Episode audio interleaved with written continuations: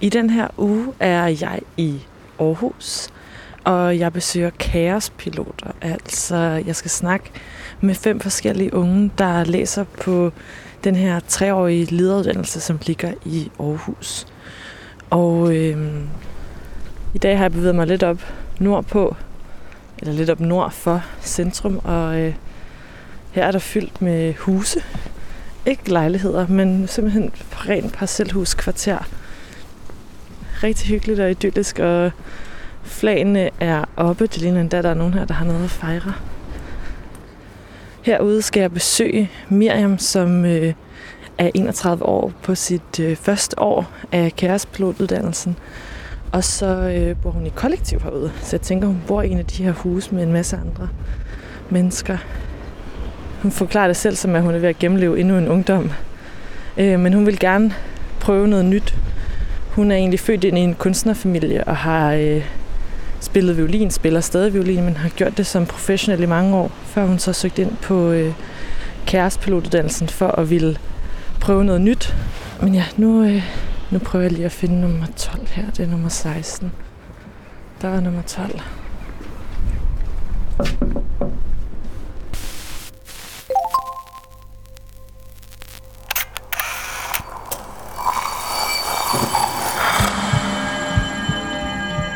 Vi ser os i spejlet hver dag. Som regel er det i forbifarten. Vi scanner lige kort, om vi ser ud, som vi skal, inden vi fortsætter vores dag. Vi ser det samme spejlbillede igen og igen i små øjeblikke.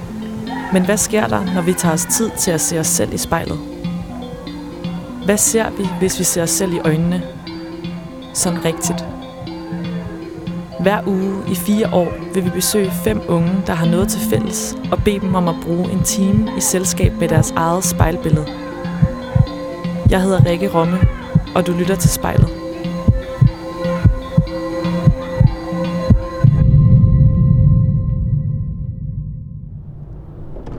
Hej, Rikke. Ja. Hyggeligt. Tak fordi jeg måtte komme. Jeg kan ikke altid høre det, når nogen, når nogen der banker. Nej, det giver mening. Hvad skrev Ja. ja. du? bor på kyst? Ja. Værelset? Ja, Ja, okay. præcis, ja. Hvad- Ja, skal vi gå op? Vil du vise rundt? Ja, men jeg tænkte bare, hvor mange, hvor mange bor I her? Vi bor 10 mennesker. Hej. Der var en af dem her. Perfekt. ja, 10 i alt. Ja. Ja. Jeg er en af de nyeste. Ja, men det er et rigtig dejligt sted at bo, ja. Hyggeligt. Helt skønt med stor have. Og... Jeg kan godt se, det ser dejligt ud. Ja. En stor have. Velkommen. Tak. Ej, hvor hyggeligt her. Mhm. Der er også plads til, at du kan have dine egne gæster, skulle jeg til at Ja. sige, med bord og sådan noget, ikke? Præcis, jeg sidder og sitter og arbejder her og har dejlig udsigt. Gud, Det ja. er virkelig skønt. ja. Men, hvad hedder det mere? Vil du ikke... Øh, vi er på dit værelse. Kan du ikke lige kort forklare, hvordan dit værelse ser ud? Jo, det kan jeg i hvert fald. Jamen, øh, mit værelse, det er et kvistværelse. Øh, så der er skrå vægge. Og øh, jeg har sgu været lidt kreativ for at indrette det, fordi man kan ikke have nogle høje møbler. Øh, så der er masser af sådan nogle hylder og lave kommoder og en sofa, hvor jeg har pillet øh, benene af, så man kan sidde nede. Der sidder jeg om morgenen og har sådan en lille morgen, øh, morgenrutine, hvor jeg lige mediterer og skriver nogle tanker ned. Og ellers så, øh, ja, men jeg, jeg kan godt lide øh, sådan farver, så der er en del røde farver og også mange planter. Og øhm, så er der nogle instrumenter. Min violin hænger frem lige nu, som jeg spiller på, når jeg har tid, når jeg ikke studerer. og øh, så har jeg også nogle andre instrumenter her. Også en, en brasiliansk tromme, som hedder Sabumba. Og en bratsch og lidt af hvert. Masser af lydudstyr under min øh, seng. og noget rejsegrej, som jeg har sat op på en hylde. Så ja, jeg er nemlig tit ude at rejse. Der er både... Øh, hvad er der deroppe? Jamen, der er et jeg men det må jeg indrømme, det bruger jeg virkelig ikke særlig tit. og ellers så har jeg bare ja, sådan nogle liggeunderlag og sovepose og øh, tæt forskellige kufferter og tasker, som, ja, som jeg nemt kan pakke, pakke ind, når jeg skal afsted. Mm. Så er et lille hjørne her med nogle billeder. Jeg har noget, øh, nogle billeder af min, øh, min, min franske familie, min farmor, som hedder Vonette, og min søster, der hedder Leila, og min far, der hedder François min mor, der hedder Gitte, og mormor, der hedder Margot. og min morfar, der hedder Paul. så der er sådan en lille familiekollektion her, og så en masse venner, som jeg har mødt de forskellige steder, jeg har boet, og ja, mange fra København faktisk, her på det nyeste, seneste. Du nævnte sådan et morgenritual, mm. og så kan jeg se, at du faktisk har skrevet Nå, ja. dine ritualer ned her Ja, for morgen og, aften. Ja, Kan du måske gå i, altså forklare lidt om dem? Ja. Hvad står der på den her fine ja. seddel? Jamen, det var noget, jeg, jeg fandt på inden jul, fordi jeg faktisk følte mig lidt stresset, øhm, og ikke kunne finde så meget tid til mig selv. Øh, en blanding af, at jeg, stud- jeg begyndte at studere igen, og også har haft mange koncerter ved siden af, og at meget af mit netværk stadigvæk er i København, og jeg har familie i Frankrig, så det var, det var faktisk lidt svært at få tid til at slappe af. Så jeg, har, jeg tænkte, at nu må jeg lave en daglig rutine, hvor jeg kan både morgen og aften have lidt tid bare for mig selv. Så det, sådan helt konkret, så øh, står jeg op klokken kvart i syv, og øh, går lige i bad, og så laver jeg et par solhilsner, nogle yoga-solhilsner. Så mediterer jeg en 10-20 minutters tid, og så skriver jeg de tanker ned, der, øh, der lige er i mit hoved. Så spiser jeg lidt morgenmad, så tager jeg afsted, enten på, på studiet, eller hvis jeg er i gang med et projekt, eller skal noget helt andet. Om aftenen ligner det faktisk også meget, og det der ligesom er, mm, det der var vigtigt for mig, det var at slukke min mobil, eller sætte den på flight mode klokken 21. Så jeg har nogle timer, inden jeg går i seng, hvor jeg ikke kigger ind i min mobil, eller, eller nogen andre skærme for den sags skyld. Og så ellers også igen meditere, skrive lidt, og så have lidt tid, hvor jeg lige gør det, der lige falder mig ind, som jeg har mest lyst til. Ja, det har virket godt. Den her sang elsker jeg at danse til. Nogle gange, hvis jeg ikke har så meget energi, så sætter jeg den på, og så danser jeg lidt øh, på mit værelse. Ja, lad med andre. Se você se lançar e no mar, me leve, me carregue, me queira e não me negue de te acompanhar. Se você se lançar no mar, me leve, me carregue, me queira e não me negue pode ser que eu não me entregue, até lá. Pode ser que eu me desintegre, até lá. Pode ser que eu não sossegue, até lá. Pode ser, pode ser que eu me desespere, até lá. Pode ser que tu não me espere, até lá. Pode ser que tu me renegue, até lá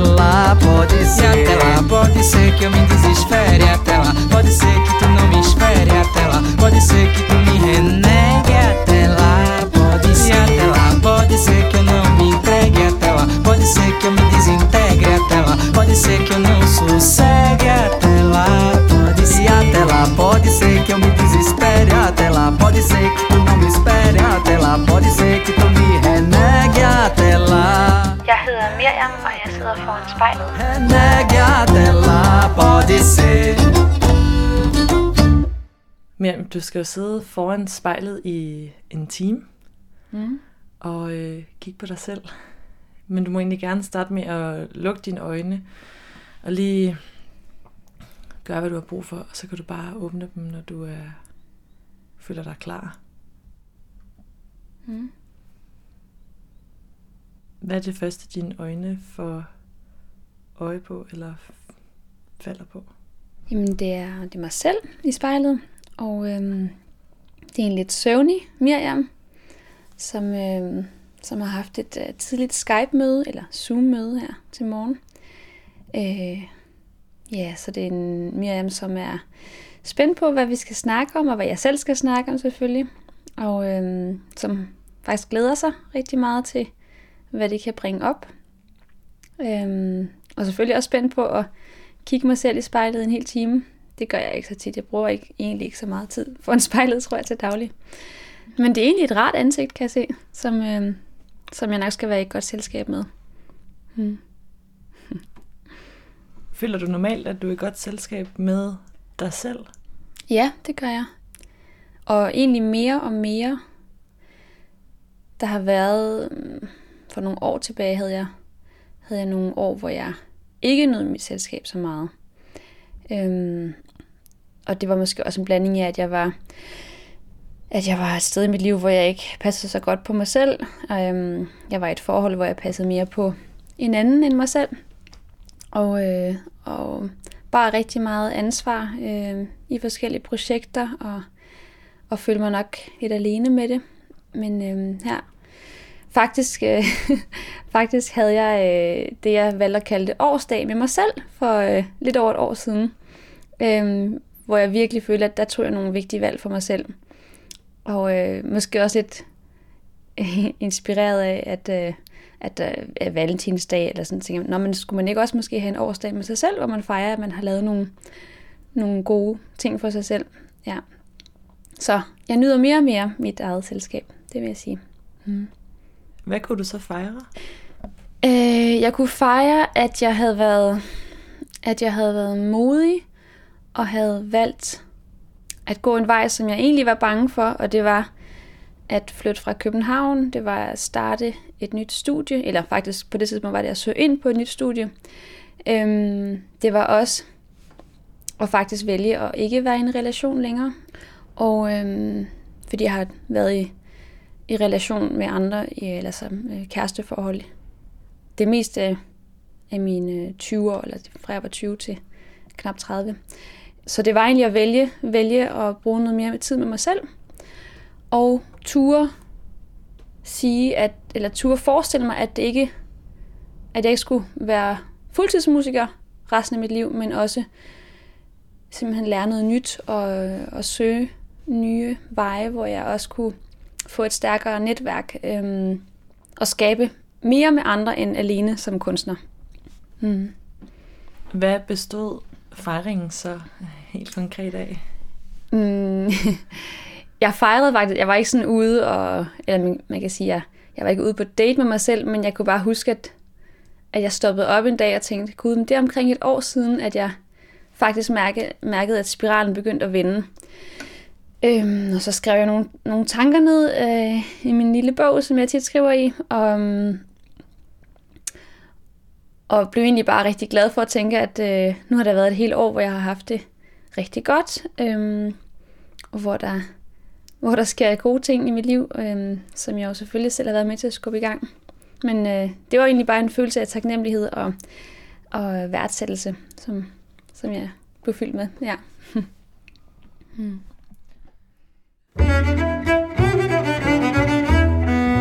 Da jeg var syv år gammel, så købte min far øh, en violin til mig af et cigøjnerorkester, som spillede øh, på en hel masse violiner, og det minder det her nummer mig om. sidder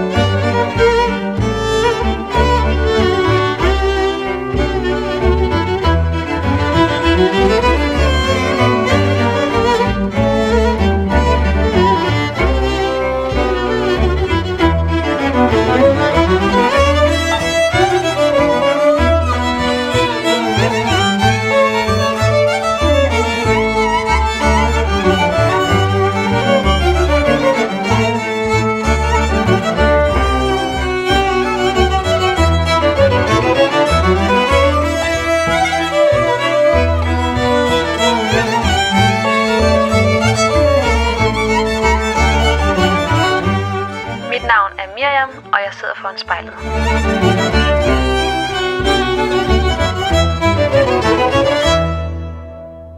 Jeg er uddannet øh, musiker, for det var folkemusiklinjen på konservatoriet i Odense, som ligger i Esbjerg nu.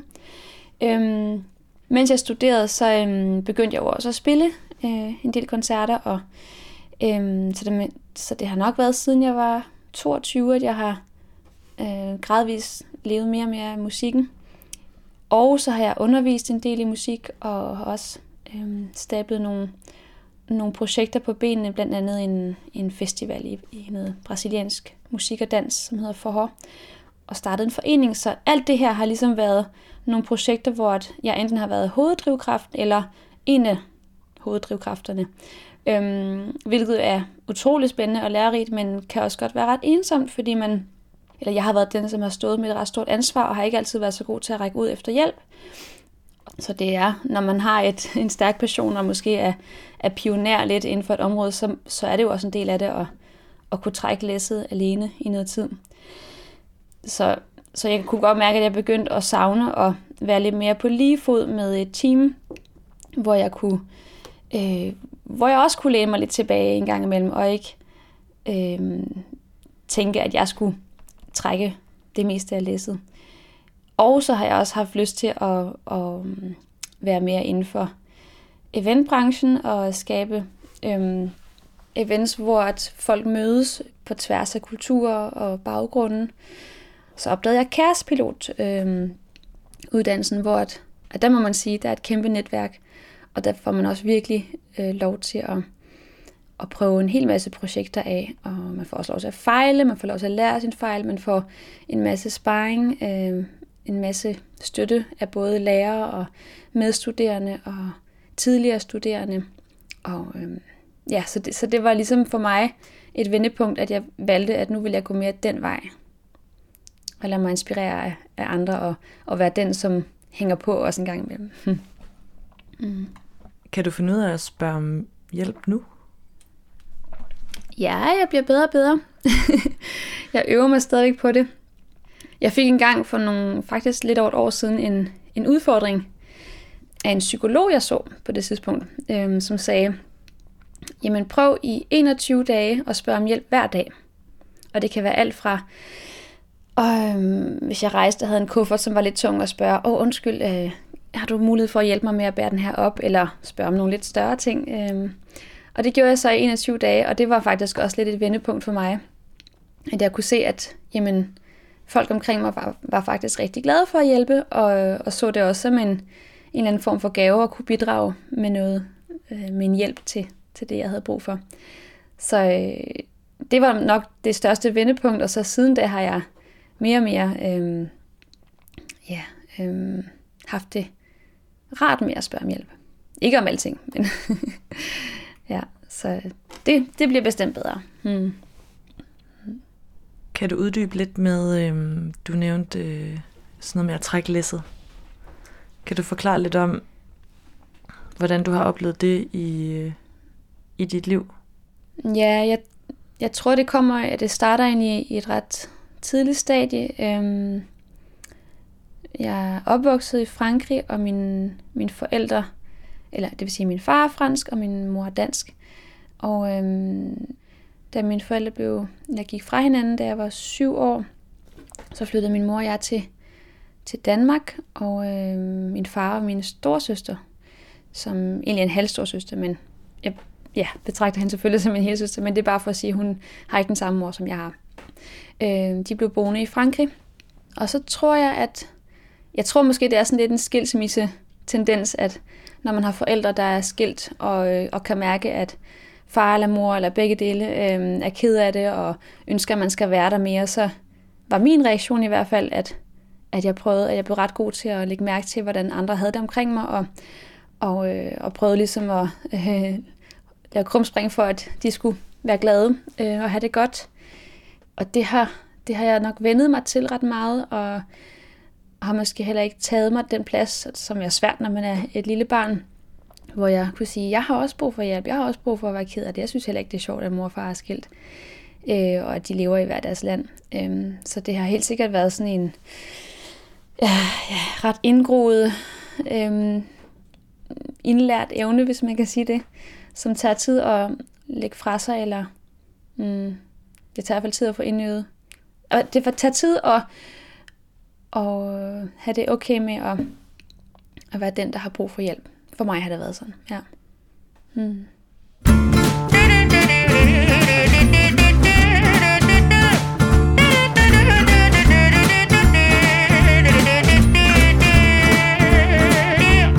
Den her sang elsker jeg, fordi at, øh, den har en, en dejlig tekst, som handler om, øh, at øh, jeg vil have kærlighed og øh, øh, glæde, og jeg gider ikke have alt det her materielle goder. Offrez-moi du personnel, j'en ferai quoi Un manoir à Neuchâtel, ce n'est pas pour moi. Offrez-moi la tour Eiffel, j'en ferai quoi.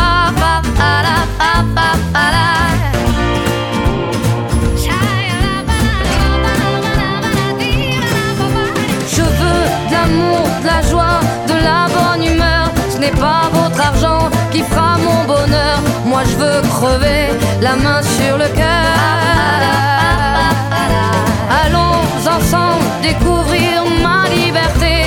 Oubliez donc tous vos clichés. Bienvenue dans ma réalité.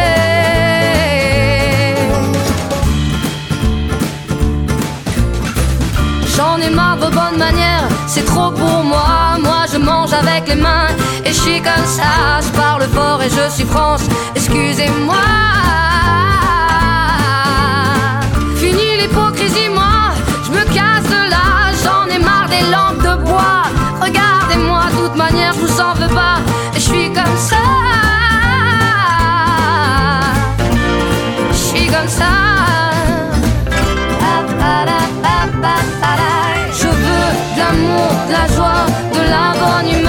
Ce n'est pas votre argent qui fera mon bonheur. Moi je veux crever la main sur le cœur. Allons ensemble découvrir ma liberté. Oubliez donc tous vos clichés. Bienvenue dans ma réalité.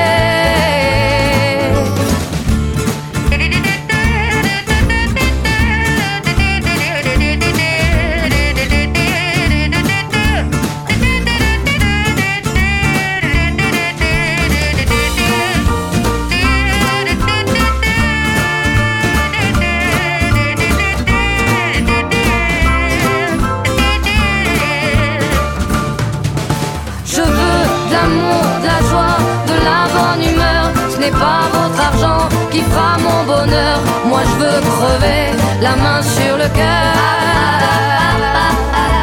Allons ensemble découvrir ma liberté. Oubliez donc tous vos clichés. Bienvenue dans ma réalité. Je veux de l'amour, de la joie, de la bonne humeur. Ce n'est pas votre argent qui fera mon bonheur. Moi je veux crever la main sur le cœur. Venner og familie kalder mig Mimi og Mishka og Mimi Pinson og Ariana. Og jeg sidder foran spejlet.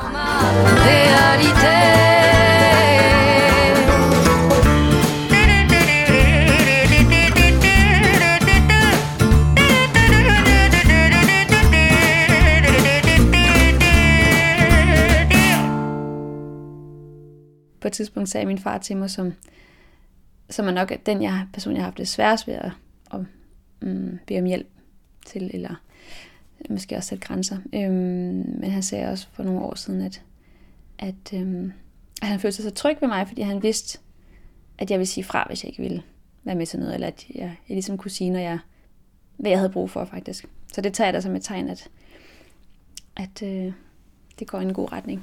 Mm. Overraskede det dig, da han sagde det? Øhm, ja, det tror jeg faktisk, det gjorde. Øhm, fordi jeg ikke så mig selv som en person, der var specielt god til at sætte grænser.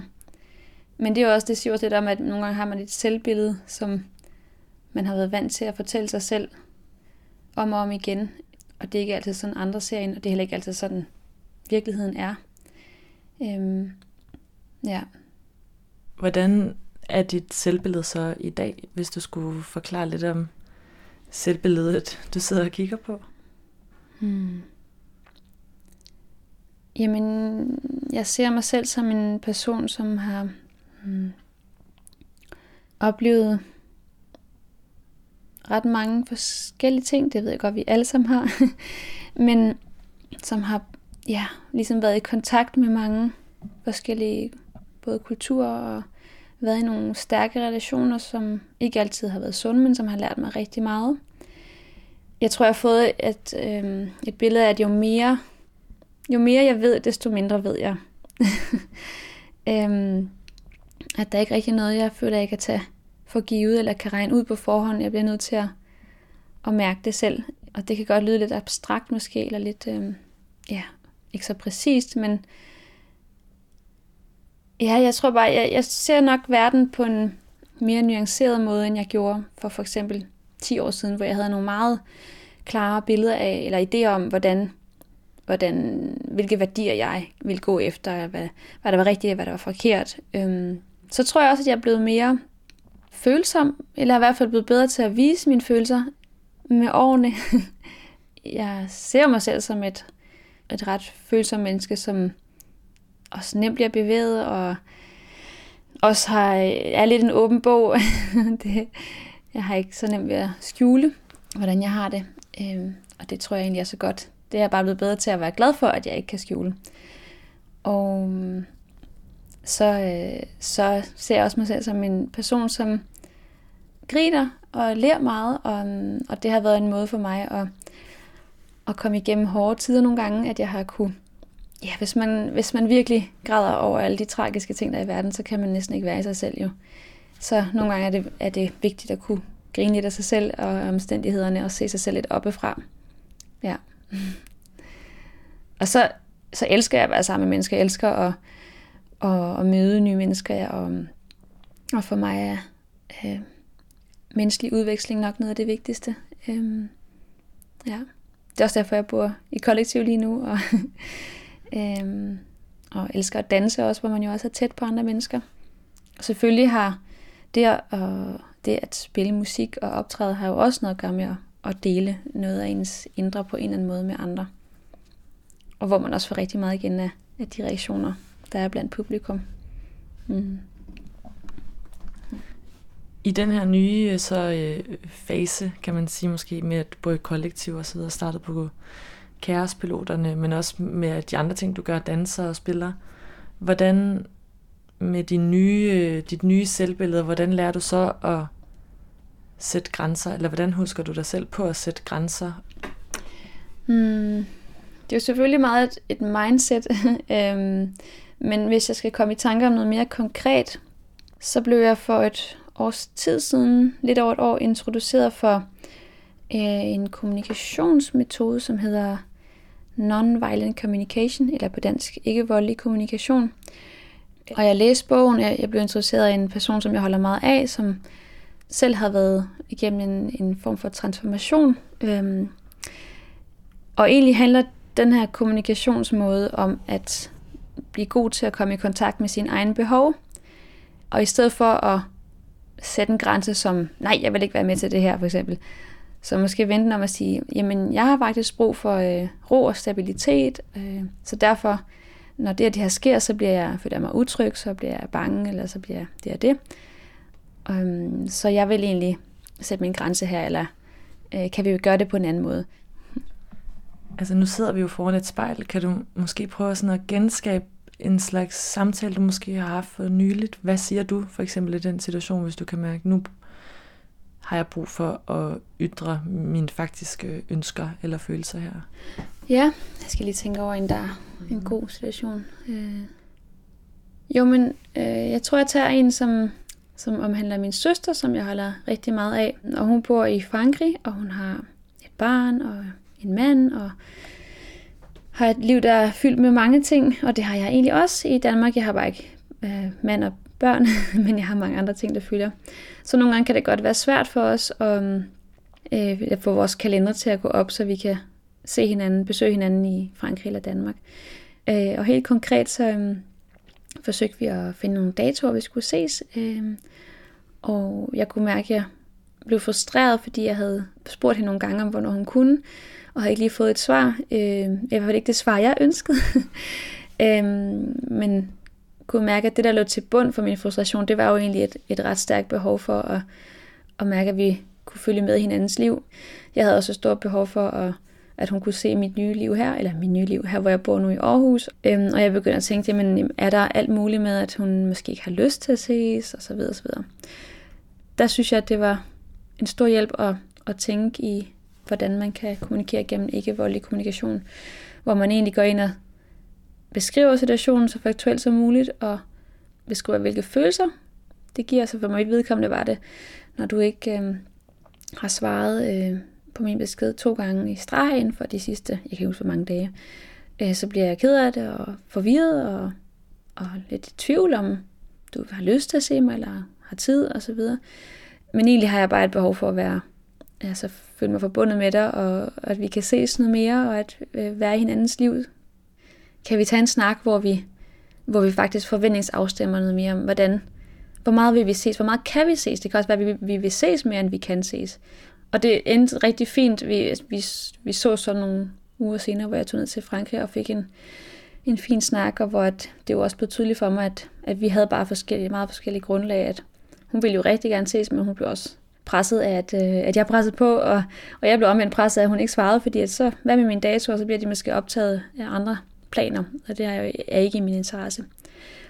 Så ja, det er i hvert fald et, et eksempel, hvor jeg faktisk gik ind og synes, det var svært at kommunikere det ud, og fik hjælp af, af den her metode, ikke voldelig kommunikation. Behovene er nemmere at forstå end handlingerne nogle gange.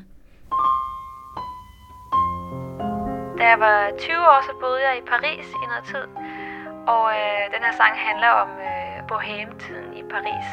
Og selvom jeg ikke var barn dengang den sang blev skrevet, så kan jeg relatere til rigtig mange af de stemninger, der var. Je vous parle d'un temps que les moins de 20 ans ne peuvent pas connaître. Montmartre en ce temps-là accrochait ses lilas jusque sous nos fenêtres et si l'humble garni qui nous servait de nid ne payait pas de mine. C'est là qu'on s'est connu, moi qui criais famine et toi qui posais nu. La bohème, la bohème, ça voulait dire on est heureux. La bohème, la bohème, nous ne mangions qu'un jour sur deux. Dans les cafés voisins, nous étions quelques-uns qui attendions la gloire. Et bien que miséreux, avec le ventre creux, nous ne cessions d'y croire. Et quand quelques bistrots, contre un bon repas chaud, nous prenaient une toile, nous récitions des vers groupés autour du poêle en oubliant l'hiver. La bohème, la bohème, ça voulait dire tu es jolie. La et nous avions tous du génie. Souvent il m'arrivait devant mon chevalet de passer des nuits blanches, retouchant le dessin de la ligne d'un sein, du galbe d'une hanche, et ce n'est qu'au matin qu'on s'asseyait enfin devant un café crème. Épuisé mais ravi, fallait-il que l'on s'aime et qu'on aime la vie? La bohème, la bohème, ça voulait dire on a vingt ans. La bohème,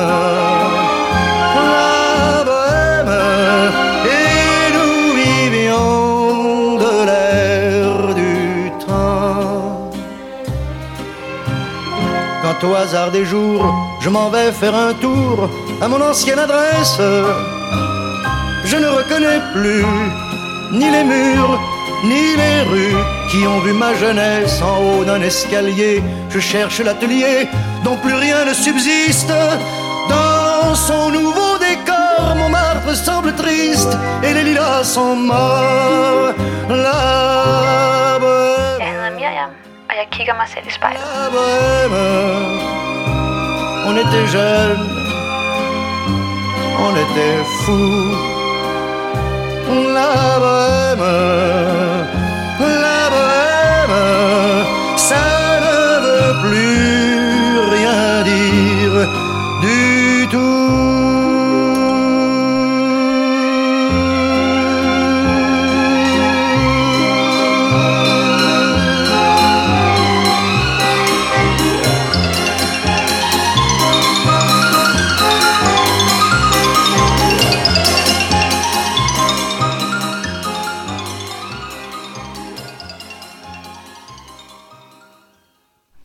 du øh, af behov lige nu?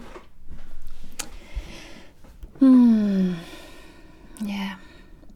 Lige nu har jeg behov for at, øh, at, have, at bruge en, øh, en dags tid bare for mig selv, fordi jeg har været så meget på farten øh, det sidste, den sidste uge. Jeg har også behov for at være kreativ. Øh, jeg savner at spille øh, mere violin. Studiet tager rigtig meget tid, og jeg elsker mit studie, øh, men jeg savner også rigtig meget at, at, at spille mere violin øh, og øve mig noget mere. Jeg har også et behov for at kunne øh, dele mit øh, indre følelsesliv med, med nære venner. Hmm, så har jeg behov for søvn. ja. Jeg har også behov for at, øh, at kunne vide, at, eller at jeg har en vis frihed ved siden af skolen, så, så, det ikke er, så det ikke er studiet, der tager al min tid, men at jeg også kan vedligeholde relationer, øh, som bor længere væk. Øhm, så så ja, jeg har et behov for frihed, øhm, og det kan godt være lidt udfordrende nogle gange med studiet, som er så intenst, som, som jeg føler, kærespiloterne er. Ja, hvordan er det at gå fra, det lyder så ikke som om din kalender er blevet mindre fyldt, men hvordan er det at gå fra sådan faste koncerter, og at du var underviseren for eksempel også, til pludselig at være eleven og på skolebænken igen mandag til fredag?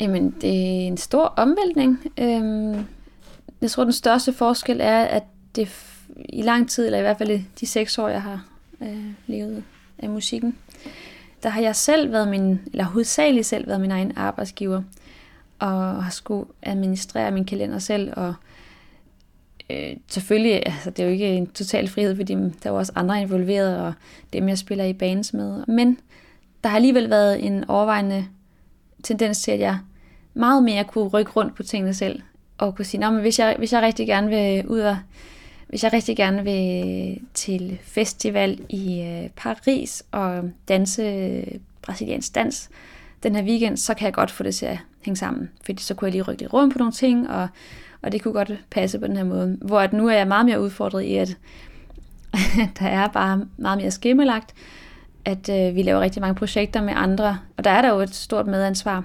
Og det er også et ansvar, jeg er glad for at tale, og jeg, jeg også har igen har savnet og været en del af øh, sådan en større gruppe.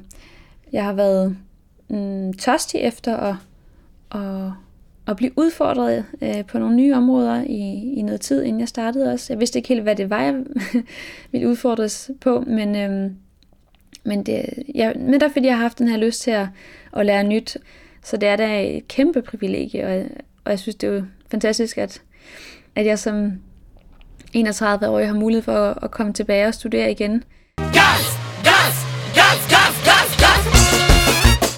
Teenageår og start 20'er, så øh, lyttede mig og mine venner meget til, til den her type musik. Cara cara ucciorore bella sciallovena Indie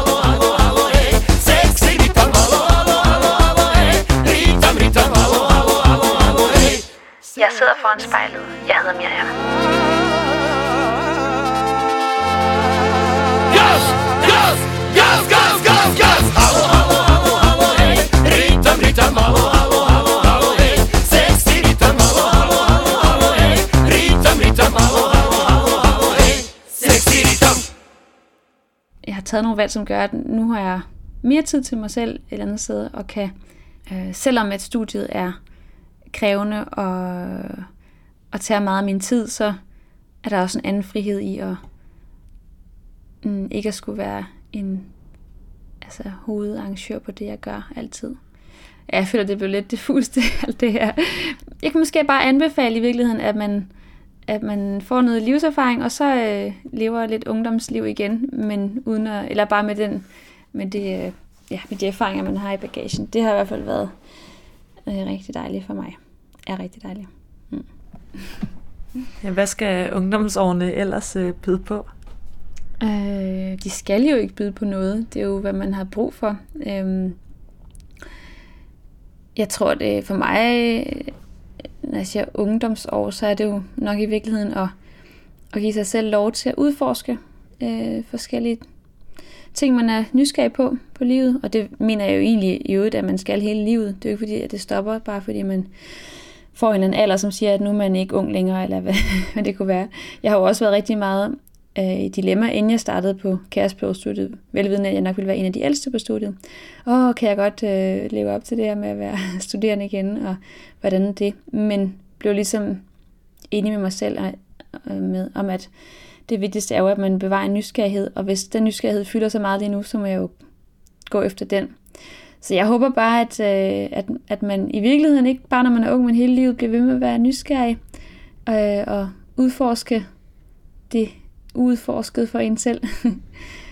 øhm, og ikke lade sig øh, binde af, at man nu burde have et eller andet bestemt job, eller have et hus, eller være, øh, have børn, eller være gift, eller hvad det nu kunne være, som, som samfundet i en eller anden grad nogle gange øhm, dikterer, eller indirekte sådan, ja, indirekte dikterer.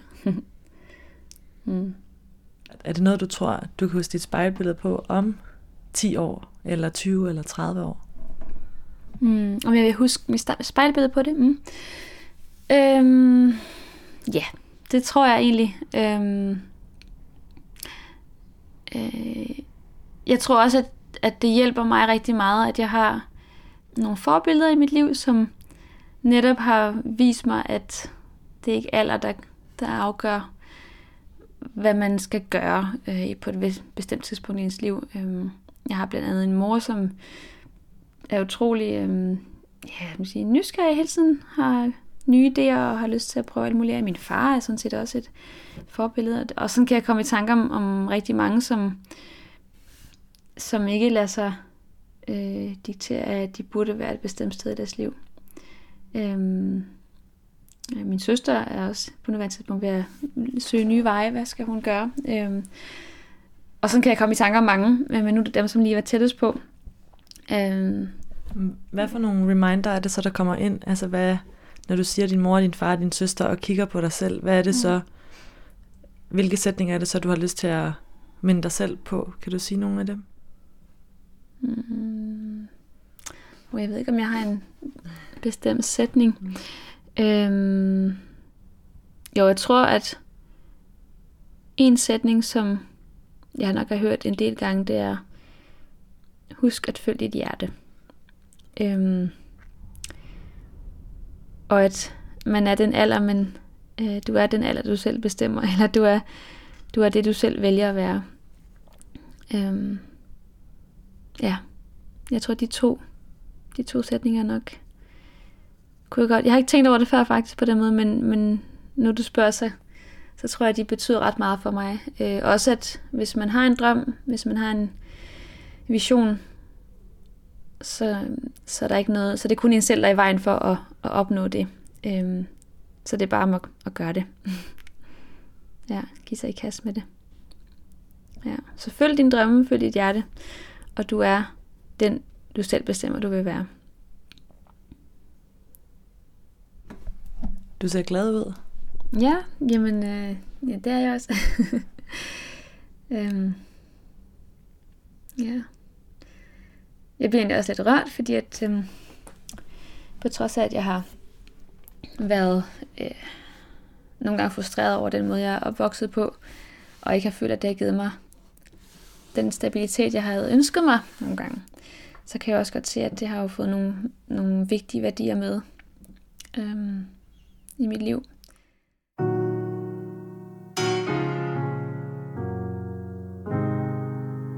Handler egentlig om, hvordan det kan være at have en, øh, som ikke er så meget til. Det tror jeg, der er rigtig mange, der har oplevet. Dites-moi d'où il vient, enfin je saurai où je vais. Maman dit que lorsqu'on cherche bien, on finit toujours par trouver. Elle dit qu'il n'est jamais très loin, qu'il part très souvent travailler. Maman dit travailler c'est bien, bien mieux qu'être mal accompagné. Pas vrai? Où est ton papa? Dis-moi où est ton papa? Sans même devoir lui parler, il sait ce qui ne va pas. Ah sacré papa, dis-moi où es-tu caché? Ça doit faire au moins mille fois que j'ai compté mes doigts. Eh. Où t'es papa, où t'es? Où t'es papa, où t'es? Où t'es papa, où t'es? Où t'es, où t'es, où papa, où t'es? Où t'es papa, où t'es? Où t'es papa, où t'es? Où t'es papa, où t'es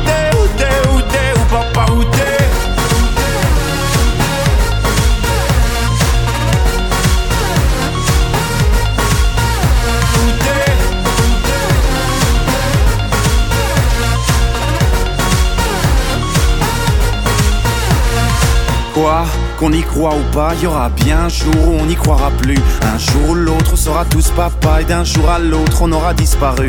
Serons-nous détestables? Serons-nous admirables? Des géniteurs ou des génies Dites-nous qui donne naissance aux irresponsables Hein? Dites-nous qui. Tiens, tout le monde sait comment on fait des bébés Mais personne sait comment on fait des papas. Monsieur, je sais tout, on aurait hérité, c'est ça. Faut le sucer de son pouce ou quoi? Dites-nous où c'est caché, ça doit Faire au moins mille fois qu'on a bouffé nos doigts. Eh Où t'es papa, où t'es? Où t'es papa, où t'es? Où t'es papa, où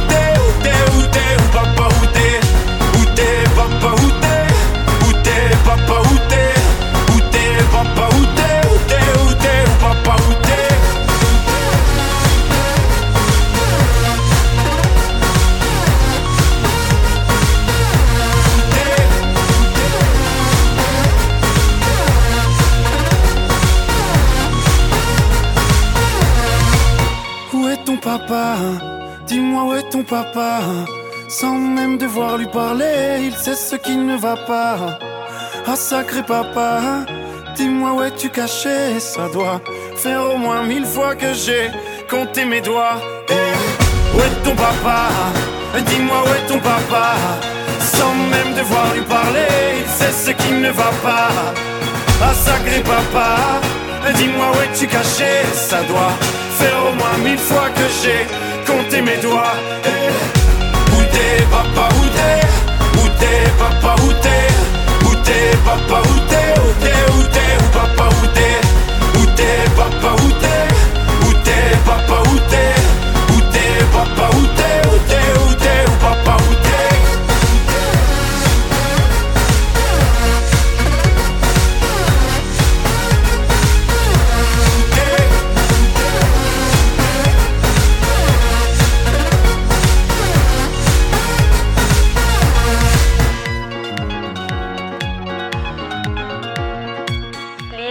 Sidder vi på mit værelse, og jeg ser mig selv i spejlet.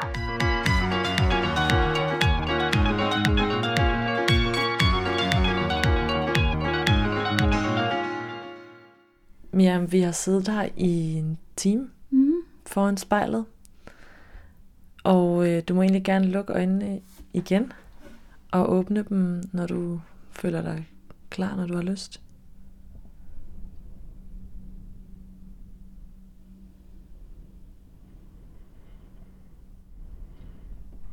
Hvordan har du det? Øhm, Jeg har det godt. Øh, jeg er også sådan... Ja, føler lige, at jeg har været igennem sådan en... en jeg skulle faktisk sige en drøm. Jeg er jo ret vågen lige nu, men det der med, at det, det ene fører til det andet og det tredje, og man ikke ja, ser, hvor det fører hen. Øhm, ja, jeg og spændt på at, at høre, hvad det egentlig er, jeg har sagt. Øh, fordi det er kommet meget spontant og, og umiddelbart fra mig. Men, øh, men jeg har en god følelse ja, i kroppen.